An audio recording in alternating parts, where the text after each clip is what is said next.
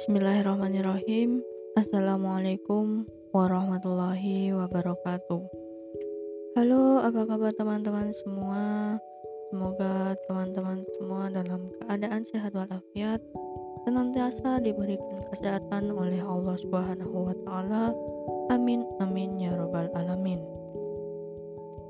Di kesempatan kali ini uh, kita akan membahas kaitannya dengan masalah. Teman-teman semua, untuk memiliki mental yang kuat, kita harus bersedia ditempa setiap saat. Tempaan tersebut berupa hadirnya masalah dalam kehidupan.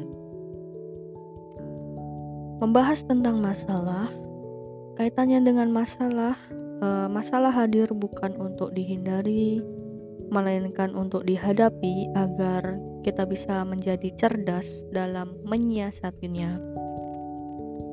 Orang-orang yang berhasil adalah mereka yang sudah teruji dalam menguasai masalah.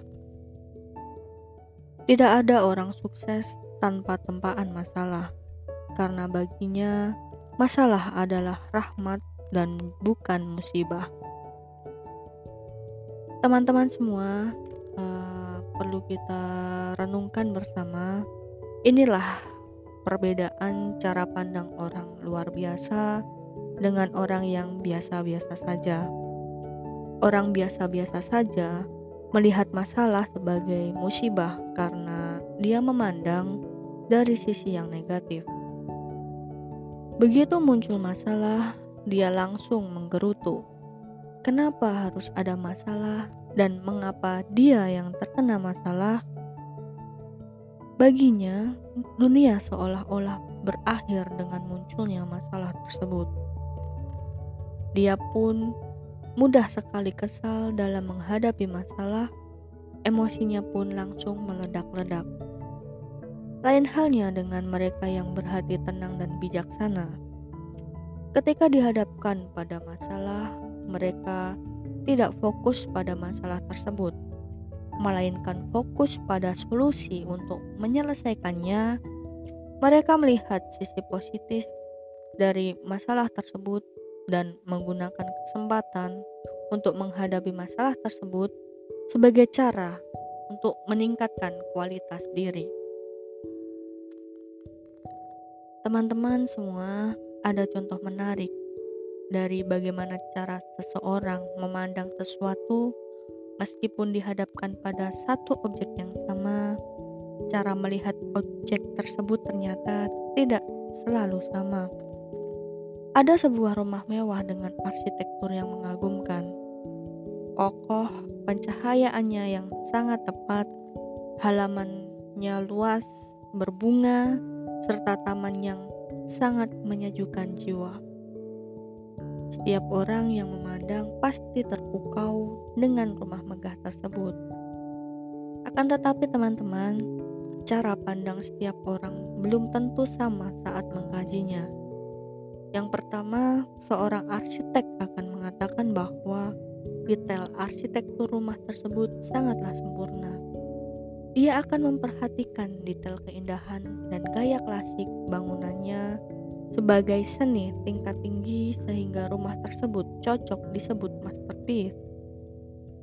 Yang kedua, seorang ahli teknik sipil akan mengatakan bahwa bangunan tersebut kukuh dan sesuai dengan desain strukturnya. Seandainya ada gempa, bangunan tersebut tidak mudah roboh karena menggunakan bahan bangunan yang berkualitas. Penggunaan bahan telah sesuai spesifikasi dan menjadikan gedung tersebut bermutu. Bangunan tersebut dapat menjadi acuan untuk pembuatan gedung lainnya. Yang ketiga, seorang ahli interior akan mengatakan bahwa penataan rumah, ruangan, dan furniturnya pasti sangat mempesona. Pemilihan bahan dan penerapan fungsinya pun juga cerdas. Pastinya Perabotan yang ada di dalamnya mewah dan bermerek sesuai dengan tata letak dan fungsinya. 4. Seorang penguasa pengusaha pemula akan melihat rumah tersebut sebagai motivasi. Dia berkata dalam hati akan membuktikan impiannya dengan memiliki rumah tersebut. Dia pun berjanji untuk berusaha lebih baik dan menentukan target kapan bisa memilikinya. Kelima, seorang broker melihat rumah tersebut bagus dan mewah sehingga ingin menjualnya. Dia berpikir berapa kira-kira harga rumah mewah tersebut. Jika perlu, dia akan melobi pemilik rumah dengan keyakinan tinggi. Dia akan mencoba menjual rumah tersebut agar mendapatkan fee marketing yang bagus.